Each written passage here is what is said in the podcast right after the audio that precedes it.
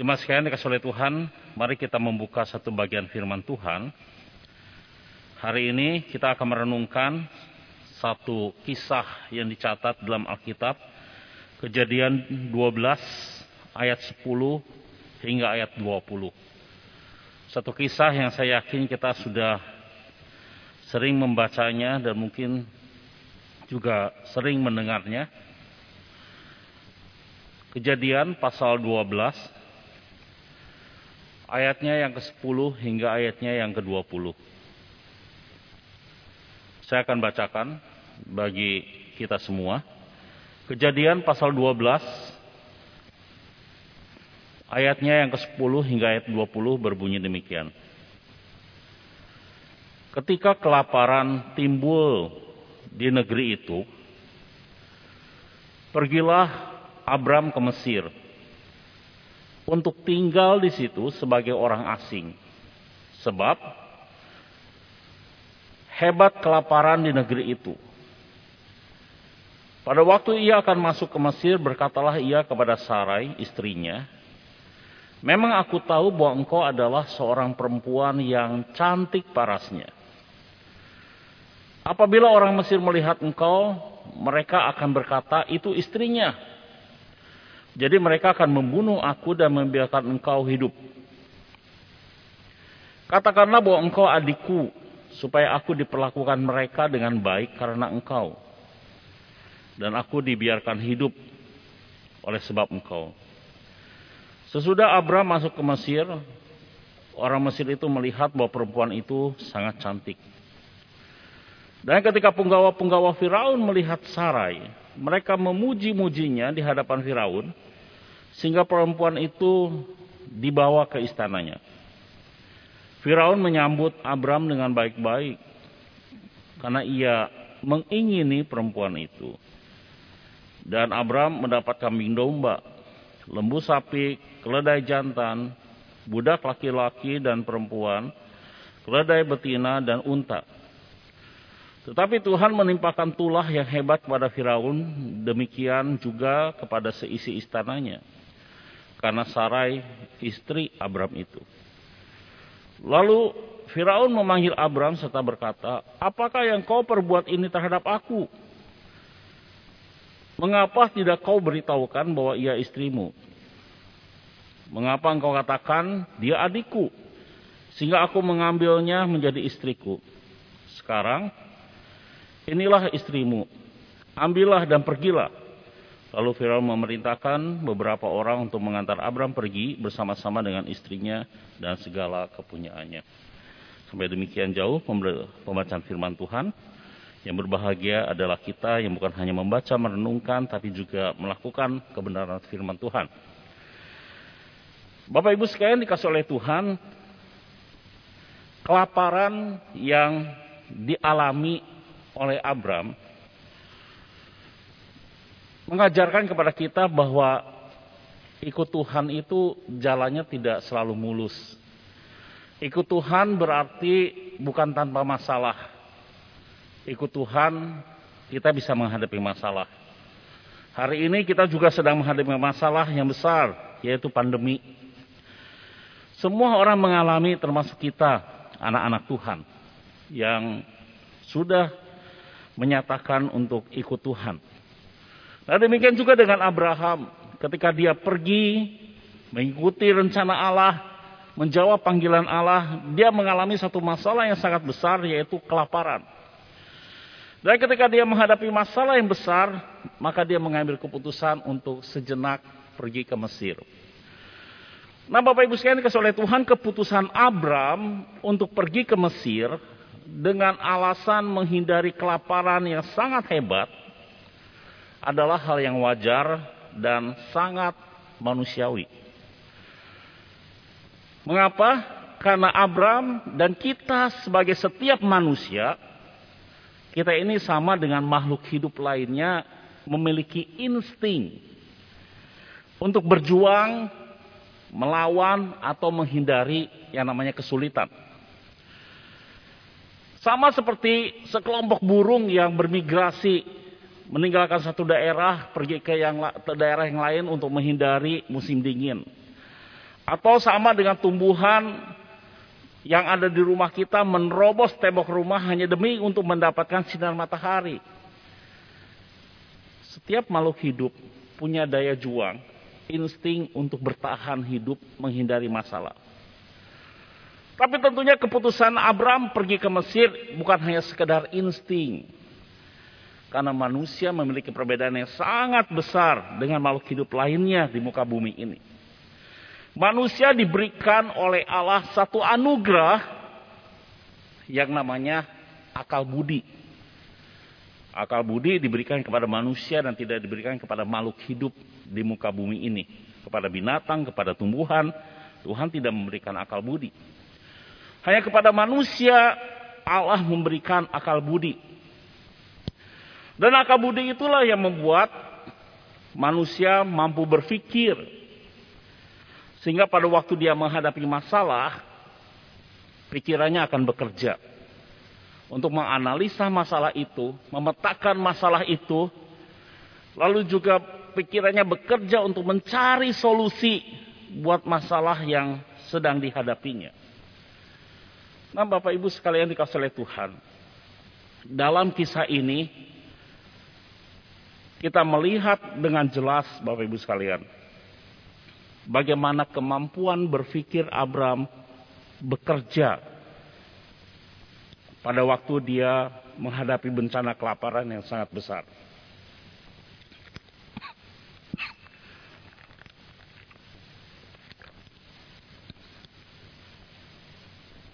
Dan hari ini saya ingin mengajak kita melihat bagaimana Abraham menggunakan akal budinya. Dan nanti kita akan melihat bagaimana seharusnya kita meletakkan akal budi kita itu di hadapan Allah. Bapak Ibu sekalian dikasih oleh Tuhan, mari kita melihat bagaimana cara Allah, cara Abram menggunakan akal budinya. Pada waktu Abram menghadapi kelaparan yang sangat hebat, dia mengambil keputusan untuk pergi ke Mesir. Nah pada waktu dia ambil keputusan untuk pergi ke Mesir sebagai tempat tujuannya tentu bukan hanya sekedar pilih. Abraham menghitung sedemikian rupa kenapa harus pergi ke Mesir. Di ayat 10 Abraham memiliki rencana untuk tinggal sebagai orang mas, orang asing di Mesir. Sebagai orang asing artinya sementara waktu, bukan selama-lamanya. Tetapi kata tinggal yang dipakai di dalam ayat 10 ini memberikan satu pengertian bahwa Abraham akan tinggal dalam waktu yang cukup lama, walaupun sementara, tetapi dia akan tinggal dalam cukup lama Bukan hanya tinggal semalam, dua malam, hanya untuk sekedar mencari makan. Tetapi mungkin minimal sampai bencana kelaparan itu selesai. Dan keputusan Abraham untuk pergi ke Mesir ini tepat. Kalau dia mau rencana tinggal sementara waktu dalam waktu jangka waktu yang cukup lama. Karena Mesir pada saat itu adalah lumbung makanan. Mesir dianugerahi dengan sungai Nil sehingga perkebunan, pertanian di sana masih subur dan terhindar dari kelaparan. Sehingga kalau pergi ke Mesir untuk jangka waktu yang lama menghindari kelaparan yang hebat, itu adalah keputusan yang matang, yang sudah dipikirkan sedemikian luka oleh Abraham dan keputusan yang sangat tepat. Nah, Bapak Ibu sekalian, dari sini kita melihat sejenak bagaimana Abraham menggunakan akal budinya untuk berpikir, memetakan masalah, menganalisa, lalu mencari solusi. Yang kedua, kita bisa melihat bahwa pada waktu Abraham menggunakan akal budinya ketika dia menghadapi masalah yang kedua. Mesir bukan tempat yang enak. Abraham tahu di Mesir akan dapat masalah. Masalah yang akan dihadapi oleh Abraham di Mesir dua. Pertama, ternyata Abraham tahu entah tahunya dari mana, tapi saya yakin dia mengumpulkan data. Dengan pengetahuannya dia mulai menganalisa bahwa orang Mesir itu ternyata tidak tahan melihat perempuan cantik. Itu masalah yang pertama. Masalah yang kedua, Sarai istrinya adalah wanita yang cantik. Walaupun pada saat itu Sarai kurang lebih usianya adalah 60-an, artinya bukan anak remaja lagi. Tetapi Alkitab menyebutnya dengan jelas bahwa Sarai ini seorang perempuan yang sangat cantik. Secara fisik, dia sangat cantik. Artinya dia punya pesona yang memancar, yang membuat pria itu jatuh hati dan senang melihatnya. Dari cara Abram menyebut Sarai di ayat 11, aku tahu bahwa engkau ada seorang perempuan yang cantik parasnya. Lalu bagaimana orang Mesir di ayat 14 dan 15 memuji kecantikan Sarai. Itu membuktikan bahwa Sarai itu punya pesona. Yang membuat para pria senang untuk melihatnya. Jadi ternyata buat Abraham punya istri yang cantik itu di satu sisi kebanggaan sampai dipuji-puji orang, tapi dari satu sisi ternyata membahayakan dirinya. Di satu sisi membanggakan, tapi di satu sisi dapat mendatangkan bencana. Nah, Bapak Ibu sekalian dikasih oleh Tuhan, kita lihat Abraham memetakan, menganalisa masalah, memetakan masalah. Lalu di ayat 12 dia katakan, kalau orang Mesir akan mengambil engkau, pasti aku dibunuh. Itu dalam pikiran Abraham. Lalu di ayat 13, Abraham mulai melihat solusinya apa? Solusinya adalah, katakan bahwa engkau itu adikku, bukan istriku. Supaya apa? Supaya aku dibiarkan hidup karena engkau. Bapak Ibu sekalian dikasih oleh Tuhan, kita lihat Abram berpikir bagaimana dia menghadapi masalah, dia menganalisa, dia memetakan masalah, lalu dia cari solusi. Apakah solusinya ini berjalan dengan baik? Kalau kita melihat di dalam Alkitab ayat yang tadi kita baca, ya berjalan sangat baik. Abraham berhasil masuk ke Mesir. Tidak ada pembunuhan di sana. Dia masuk dengan selamat. Bahkan disambut oleh Raja Firaun. Bahkan kekayaannya bertambah. Jadi apa yang dipikirkan oleh Abraham itu berjalan dengan baik. Tetapi kita harus bertanya, apakah yang berjalan baik ini yang dipikirkan oleh Abraham berkenan di mata Tuhan? Jawabannya tidak. Apakah ini berjalan baik? Ya. Tapi apakah berkenan di hadapan Tuhan? Tidak. Ternyata Tuhan menghentikan langkah Abraham ini dengan cara mendatangkan tulah yang hebat kepada Firaun dan seisi istananya. Lalu Tuhan memakai pernyataan, pertanyaan dari Firaun untuk menegur Abram. Mari kita perhatikan Bapak Ibu sekalian di ayat 18 dan ayatnya 19. Lalu Firaun memanggil Abram serta berkata, Apakah yang kau perbuat ini terhadap aku? Mengapa kau beritahukan bahwa eh, tidak kau beritahukan bahwa ia istrimu? Lalu Firaun memanggil Abram serta berkata, Apakah yang kau perbuat ini terhadap aku? Mengapa tidak kau beritahukan bahwa ia istrimu? Di ayat sebelumnya, ayat 17, Alkitab mencatat, menyebut bahwa Sarah itu sebagai istrinya Abram. Jadi berulang kali, Alkitab mencatat bahwa Sarah itu istrinya Abram.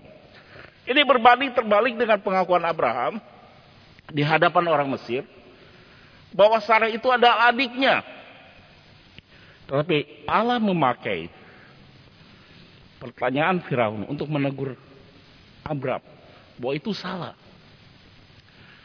Engkau telah mengaku Sarai sebagai adikmu, Tapi jangan lupa bahwa itu adalah istrimu. Bapak Ibu sekalian dikasih oleh Tuhan di dalam Alkitab, sering kali Allah itu memakai pertanyaan-pertanyaan yang sebenarnya tidak perlu dijawab. Ada pertanyaan-pertanyaan yang tidak perlu jawaban, tapi pertanyaan itu sesungguhnya ingin ditanyakan hanya sekedar ingin menunjukkan kepada orang yang ditanya itu bahwa engkau sedang ada di dalam posisi yang salah. Contoh. Di dalam kejadian 3 ayat 10. Pada waktu Adam dan Hawa sudah jatuh dalam dosa. Maka Adam dan Hawa bersembunyi. Lalu di sana diceritakan bahwa Allah sedang berjalan-jalan di taman. Lalu Allah bertanya kepada Adam dan Hawa, di manakah engkau? Pertanyaan ini adalah pertanyaan yang nggak perlu jawaban. Karena sebagai Allah yang maha tahu, dia pasti tahu Abram, Adam dan Hawa itu bersembunyi di mana. Allah bukan sekedar bukan ingin bertanya tentang lokasi di mana mereka sembunyi. Allah pasti tahu. Tapi pernyat, pertanyaan itu ditujukan kepada Adam dan Hawa hanya sekedar ini menunjukkan Adam dan Hawa engkau sekarang berada di posisi di mana? Engkau sekarang berada di posisi yang sudah jatuh dalam dosa. Jadi pertanyaan yang diberikan hanya sekedar untuk menunjukkan bahwa yang ditanya itu sedang berada di posisi yang salah. Satu lagi contoh dalam kejadian, ketika Allah bertanya kepada Kain, Kain, di mana Habel adikmu itu? Pertanyaan ini bukan untuk menunjukkan bahwa Allah tidak tahu Habel di mana. Allah tahu Habel sudah dibunuh oleh Kain. Tapi pertanyaan ini diberikan Sekedar hanya untuk memberikan penekanan bahwa Kain sudah berada di posisi yang salah. Dia sudah jatuh dalam dosa, yaitu dosa pembunuhan. Nah, pertanyaan Firaun juga sama. Pertanyaan ini dipakai oleh Allah untuk menegur Firaun. Hanya sekedar untuk menunjukkan kepada Abraham, engkau telah salah. Engkau telah berbohong. Betul Sarai adalah adiknya. Tetapi jangan lupa, Sarai juga adalah istri Abram. Jadi satu pertanyaan dipakai oleh Allah untuk menghenyakan Abram yang pada saat itu sudah salah. Berbohong, mengaku Sarai adiknya, tapi dia melupakan satu fakta bahwa atau mengabaikan satu fakta bahwa Sarai juga adalah istrinya. Yang kedua, apa yang ingin Allah tunjukkan? Yang ingin Allah tunjukkan adalah ketika Abraham membiarkan istrinya diambil oleh Firaun, itu juga salah. Karena kalau kita membaca dari ayat 1 pasal 12 ini, Sarai adalah rekannya ditunjuk oleh Allah untuk mewujudkan rencananya bersama dengan Abraham. Jadi Allah ingin menyatakan Abraham salah. Karena engkau membiarkan istri rekan yang ditunjuk oleh Allah untuk mewujudkan rencananya diambil oleh orang lain. Dan setelah itu Bapak Ibu sekalian setelah Allah menegur Abraham lewat pertanyaan Firaun. Allah meminta Abraham untuk putar balik. Abraham dipaksa untuk putar balik dan Abraham mengikuti perintah daripada Allah untuk putar balik. Nah, dari kisah ini Bapak Ibu sekalian, mari kita mengambil kesimpulan. Kita belajar. Kisah ini memberitahukan kepada kita dua hal. Yang pertama, kita diberitahukan bahwa Tuhan itu memberikan kepada kita satu anugerah yang namanya akal budi. Dan anugerah yang namanya akal budi ini adalah hal yang luar biasa. Karena dengan akal budi ternyata manusia mampu berpikir. Mampu menghadapi setiap rintangan. Mampu mengatasi setiap permasalahan di dalam hidupnya. Dengan akal budi manusia mampu untuk menganalisa masalah. Memetakan masalah. Lalu mencari solusi buat masalahnya tersebut. Akal budi yang diberikan Tuhan kepada kita itu sangat-sangat luar biasa. Itu yang pertama. Yang kedua, kita belajar bahwa walaupun akal budi kita ini luar biasa, tetapi ternyata tetap terbatas. Apa yang kita pikirkan itu ternyata belum tentu menghasilkan yang baik. Kalau kita merencanakan sesuatu, berpikir sesuatu, dan kita menilai bahwa itu baik, ternyata ujungnya tidak baik. Bapak ada satu penafsir yang mengatakan bagian ini, bahwa sebenarnya apa yang terjadi kepada Abram di Mesir itu di luar dugaan. Karena Abram itu tujuannya hanya satu, dia bisa masuk ke Mesir, lalu terhindar dari bencana pembunuhan. Maka dia berkata kepada Sarai, engkau ngaku saja adikku kalau orang Mesir tanya. Tetapi dia tidak duga kalau ternyata Firaun suka kepada Sarai. Itu hal yang dia tidak duga sama sekali. Ada penafsir yang mengatakan demikian. Artinya, apa yang dipikirkan oleh Abraham itu matang baik-baik, ternyata bisa salah. Itu menunjukkan bahwa akal budi kita yang hebat ini tetap terbatas. Terlebih kalau kita dihubungkan dengan Allah, maka bagian ini dengan terang benderang menyatakan kalau akal budi manusia itu ternyata tidak mampu menyelami dan memahami kehendak Allah. Allah sudah dengan jelas menyatakan kehendaknya kepada Abraham dari pasal 1 sampai pasal 9. Ayat 1 sampai 9 pasal 12. Tetapi ternyata Abraham tidak mampu menyelami, memahami rencana Allah. Sehingga dia melangkah keluar jalur dari rencana Allah. Apa yang dilakukan oleh Abraham yang dia pikir baik ternyata tidak berkenan di hadapan Allah.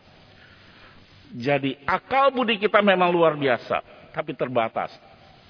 Bisa salah dan bisa tidak berkenan di hadapan Allah. Itu yang kita bisa pelajari di bagian ini Bapak Ibu sekalian. Nah, dari apa yang kita bisa pelajari dua hal dari kita yang kita pelajari ini, mari kita sekarang mengaplikasikan dalam hidup kita.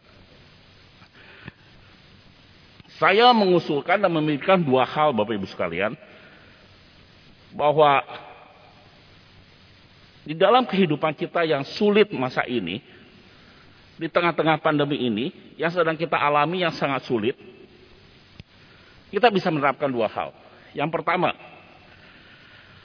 sebagai manusia yang diberikan anugerah oleh Allah yang namanya akal budi, mari kita belajar untuk memaksimalkan anugerah Allah tersebut. Kita belum memaksimalkan yang namanya akal budi ini Bapak Ibu sekalian.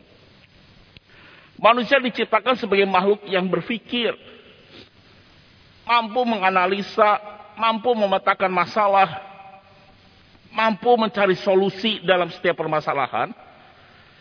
Manusia dengan akal budinya menjadi makhluk yang mampu menerobos setiap kesulitan, mampu survive di tengah-tengah kesulitan yang sangat besar ini.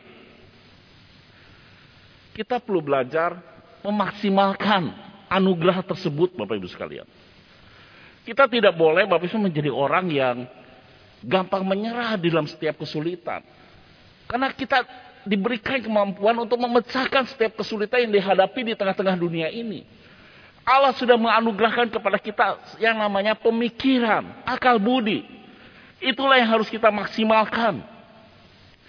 Di dunia ini Bapak Ibu begitu banyak contoh orang-orang di dunia bagaimana mereka berhasil mengatasi setiap permasalahan di dalam hidupnya dan keluar sebagai pemenang. Tidak perlu menjadi orang Kristen Bapak Ibu sekalian untuk dapat memaksimalkan akal budi kita. Setiap manusia diberi kemampuan oleh Tuhan untuk berpikir. Bahkan, bahkan kita bisa melihat banyak contoh orang-orang yang memiliki kelemahan tubuh atau maaf kata cacat di dalam tubuhnya banyak yang berhasil yang bisa keluar dari setiap permasalahan lalu menjadi pemenang. Ada begitu banyak contohnya Bapak Ibu sekalian. Dan terkadang ini berbanding terbalik dengan kita sebagai orang-orang Kristen. Bapak Ibu sekalian, kita itu sebagai orang Kristen sering kali menjadi orang-orang yang terlalu banyak berdoa, tapi tidak berpikir. Terlalu banyak berdoa, tetapi tidak memaksimalkan akal budi kita yang dianugerahkan Tuhan kepada kita. Dalam hal ini saya bukan berarti bermaksud mengecilkan kekuatan doa. Nanti di bagian selanjutnya kita akan membahas bagaimana posisi doa yang seharusnya dalam kehidupan kita. Tapi di bagian ini saya ingin mengajak kita berpikir bahwa sering kali pada waktu kita berdoa, setelah berdoa kita diam.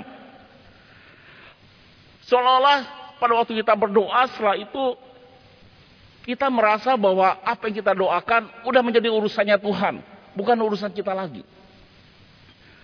Kita tinggal ongkang-ongkang kaki, berharap Tuhan menyelesaikan semuanya, dan kita tinggal menunggu berkat Tuhan itu tercurah dari sorga.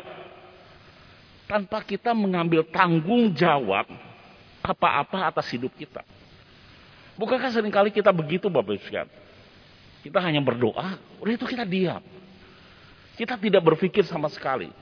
Kita tidak melakukan apa-apa. Seolah kalau udah diserahkan pada Tuhan ya sudah. Kita nggak usah berbuat apa-apa lagi.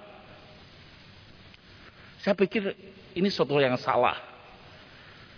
Bapak Ibu sekalian, ayolah. Kita ini adalah makhluk yang berpikir.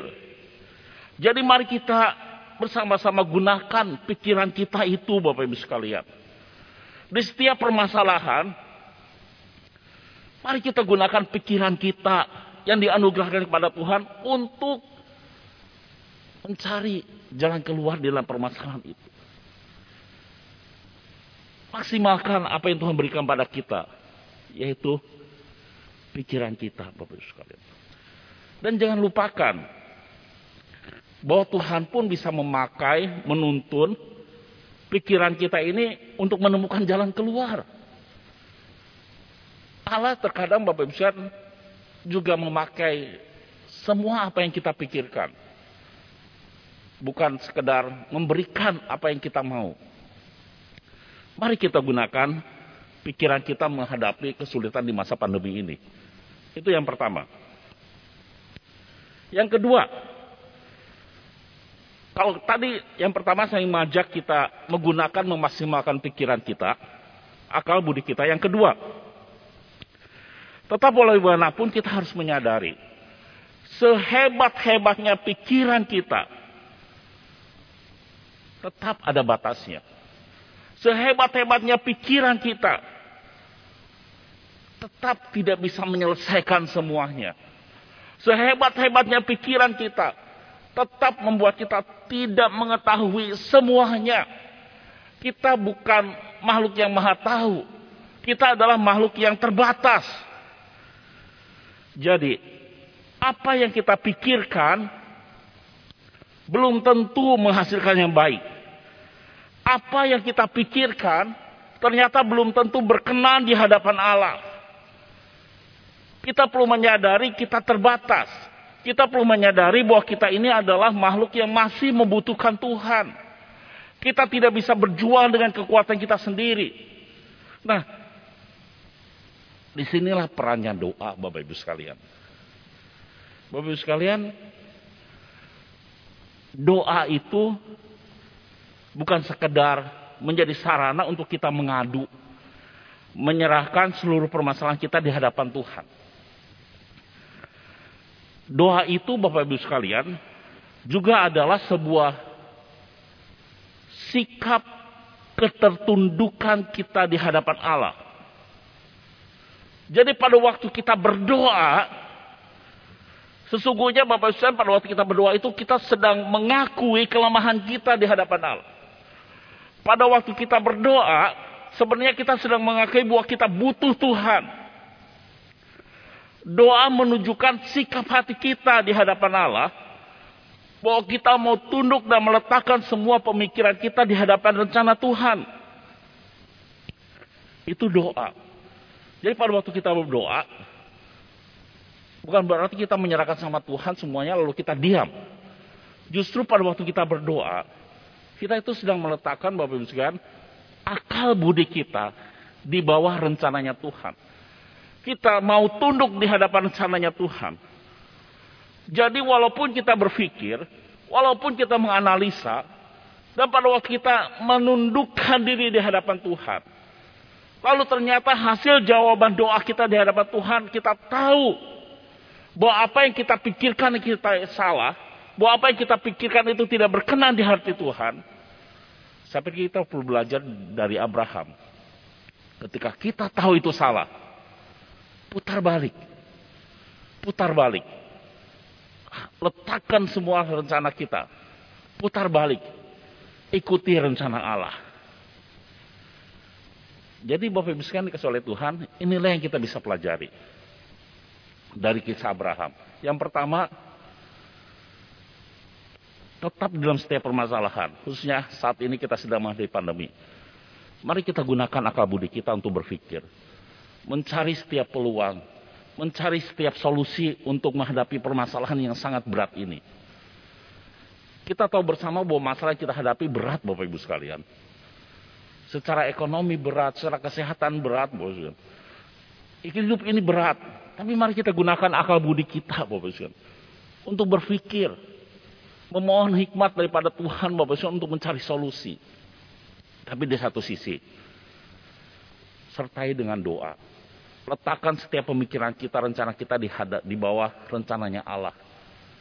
Kita ini terbatas, tidak mampu menghadapi kesulitan yang besar ini kita perlu tunduk juga di hadapan Allah.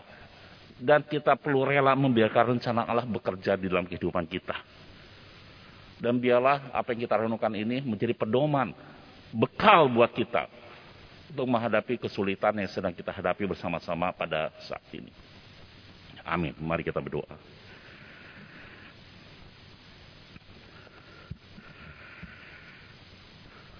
Tuhan kami tahu bahwa hidup kami ini sulit. Kami tahu berat untuk melangkah. Tapi bila kami belajar seperti Abraham, tidak menyerah. Bila kami belajar untuk memaksimalkan anugerah yang Tuhan berikan pada kami, yaitu akal budi. Bila kami belajar untuk berpikir bagaimana kami menghadapi memecahkan setiap permasalahan yang kami harus hadapi. Tapi di sisi lain, biarlah kami juga belajar mengakui keterbatasan kami, mengakui kelemahan kami di hadapan Tuhan dengan cara berdoa. Kami boleh belajar meletakkan setiap pemikiran,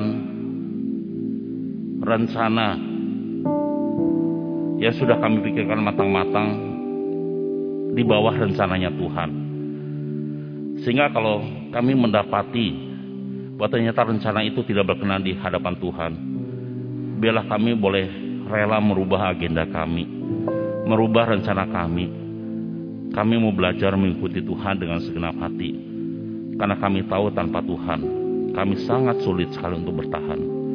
Terima kasih Tuhan untuk pembelajaran yang kami dapatkan dari seorang tokoh yang begitu dekat dengan Tuhan yaitu Abraham. Tolonglah kami dalam menghadapi setiap permasalahan hidup kami ini. Kami serahkan seluruh kehidupan kami ke dalam tangan Tuhan. Kami serahkan juga firman Tuhan yang kami pelajari pada hari ini. Bila itu boleh menetap, menghiasi hati dan pikiran kami dan juga hidup kami. Dalam nama Tuhan Yesus kami berdoa. Amin.